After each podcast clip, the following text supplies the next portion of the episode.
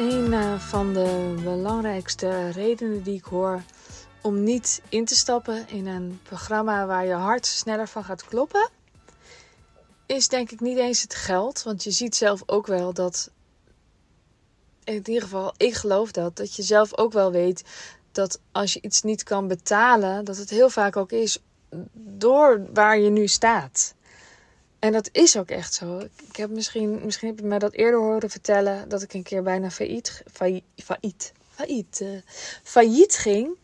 En uh, dat ik de laatste, wat was het, 3000, 3.500 euro die ik bij elkaar schraapte. Want alles ging in grotere bedragen. Dus het klinkt misschien als heel veel, maar het was gewoon een bedrijf met, waar veel geld in omging. Hoge kosten ook. Uh, dus dat schraapte ik bij elkaar en daarvan ging ik in mijn eerste traject. Leerde ik eindelijk eens marketing en sales en zo. Uh, en gewoon echt ondernemen. Dus ik was al, ik geloof, drie jaar bezig. En toen zei ik ook in het voorstelfilmpje van... Ik ga nu ondernemen. Terwijl ik had al een enorme following. Ik had al enorm veel klanten. Maar dat betekent niet dat je bedrijf stevig staat. Hè? Dus dus laat je daar absoluut niet door afleiden door mensen met veel volgers of zo. Dat zegt niet zoveel. Ja, ik weet, ze kunnen het zo omzetten in, in geld, maar het is niet zo, niets gezegd dat dat al gebeurt.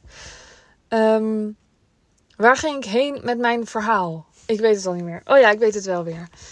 Ik um, had dus dat laatste geld geïnvesteerd in een, in een uh, training.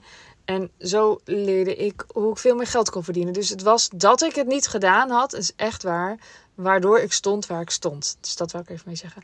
Dus jij weet dat waarschijnlijk ook wel. Dus dat hoef ik niet tegen jou te zeggen. Dat, dat het feit dat je de investering niet kan maken, waarschijnlijk al een soort uh, wakkerschutmoment is dat je denkt: ja, wacht even, dit moet echt anders. Als ik dit niet kan investeren, hoe kloppend is mijn onderneming op dit moment dan?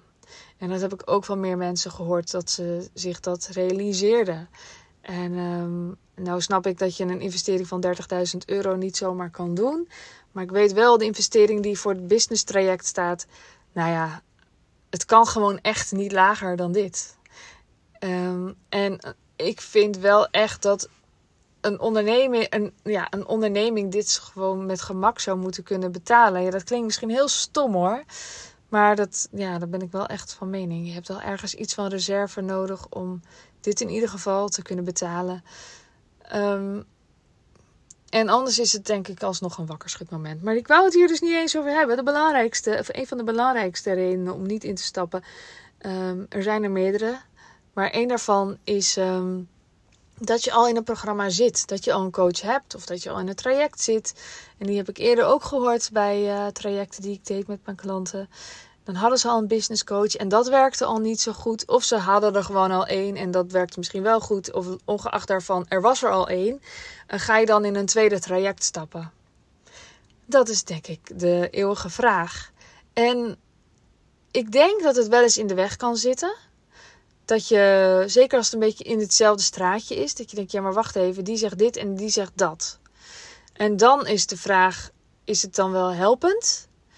Of um, kun jij besluiten dat je, um, als het allebei gewoon nu is, dat je het allebei tot je neemt en allebei laat landen en heel erg aanvoelt van, wat neem ik van wie mee? Want wat ik in mijn vorige podcast ook zei, er zijn gewoon heel veel strategieën.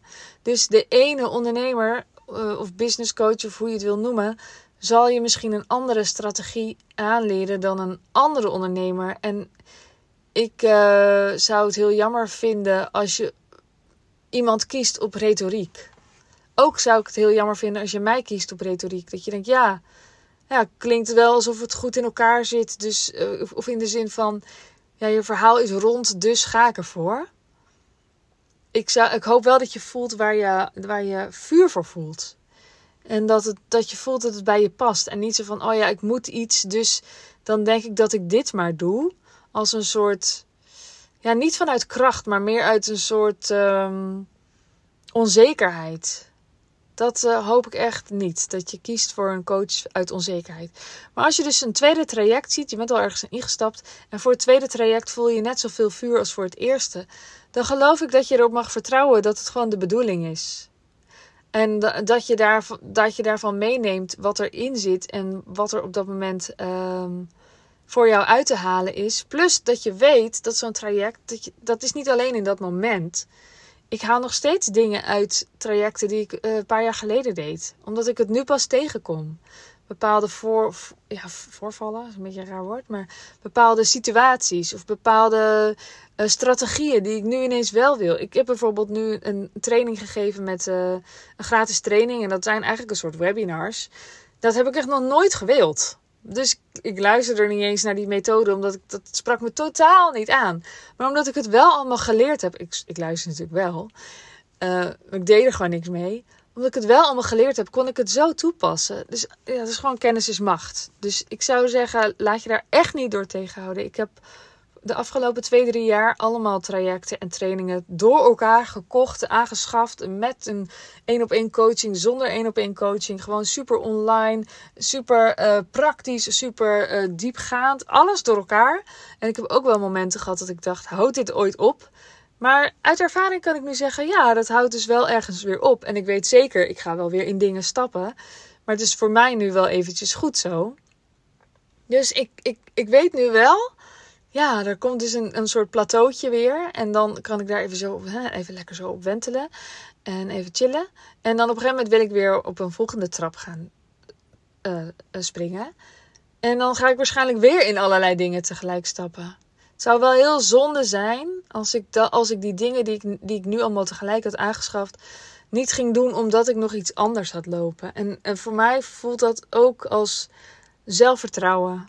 Een, zelfvertrouwen issue. Dat je jezelf erop vertrouwt dat je dat aan kan. En dat je niet jezelf kwijtraakt in um, in, het a of ja, in, in alle content en informatie die je krijgt. Dat je je niet laat overspoelen.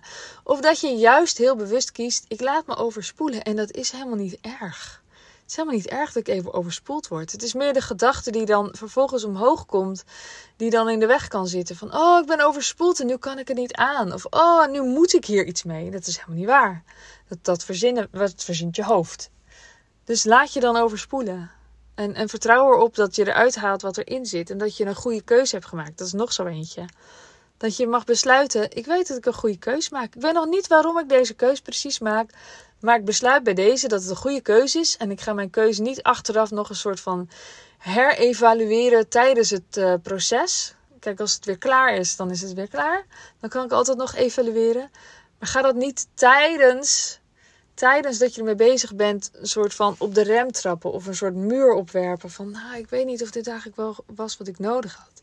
Dat kan je doen, maar ik, ik zou het je wel afraden. Ik heb het ook wel eens gedaan en dat, beviel me helemaal niet. Ik had er veel beter een soort van vol overgave in kunnen stappen en even gewoon dingen kunnen proberen. En um, ja, maar dat, dat vraagt er wel om dat je nog ja, een goede gefundeerde keus maakt. En dan, wat is een goede gefundeerde keus? ik zou zeggen, niet een voor- en uh, tegenlijstje, maar echt voelen van binnen. Van, voelt dit licht? Voelt dit leuk? Voelt dit warm? Voelt dit fijn? Voelt het vurig? Of voelt het meer als uh, onzekerheid en FOMO? Ik zou niet op onzekerheid en FOMO alleen iets aanschaffen.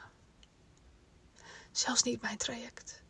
Dus, um, om kort te gaan meerdere dingen naast elkaar.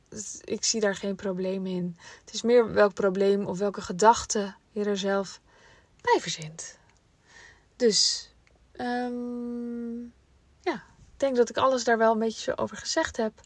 En uh, ik uh, wens jou dat je een keus maakt die heel dicht bij je ligt. En dat je niet het gevoel hebt dat je je moet verantwoorden voor je keus. Maar dat je de keus lekker zelf vol vertrouwen mag maken.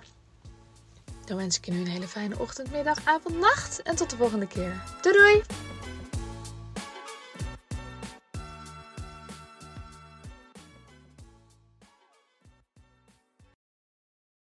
Wil jij bouwen aan 10 keer meer eigenaarschap over je leven?